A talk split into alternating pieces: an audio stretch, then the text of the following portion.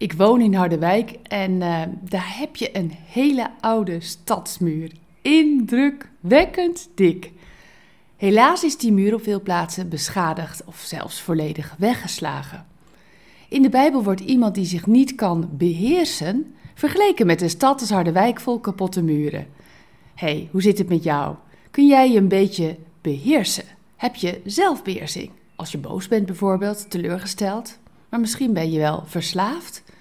Kijk, zelfbeheersing is prachtig hoor, maar hoe doe je dat? Help, zeg je misschien.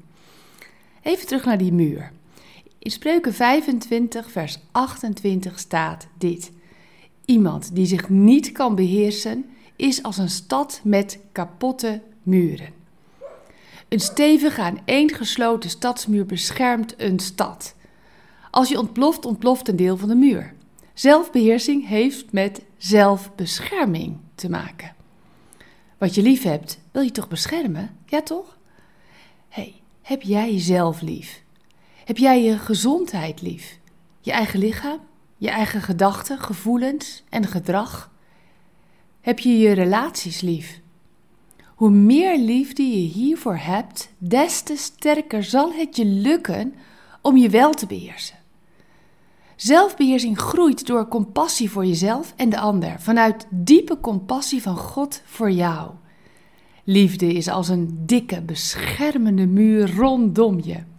Zo wil God ook jou beschermen als een muur. Hij weet hoe vernietigend en onveilig je leven is als je je niet kunt beheersen.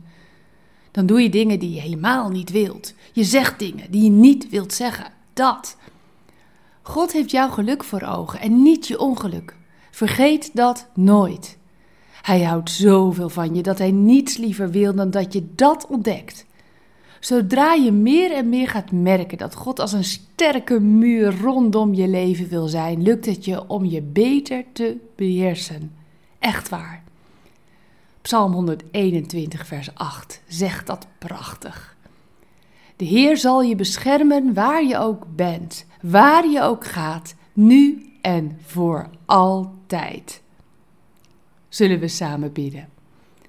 Als ik vecht om mezelf te beheersen, mag ik mij richten op uw bescherming, uw liefde, uw hulp. Ik roep het uit naar u. Help mij, Heer, om te ontdekken dat uw bescherming groter is dan mijn onvermogen om mezelf te beschermen. Amen. Bedankt voor het luisteren naar Ik Wonder Jou.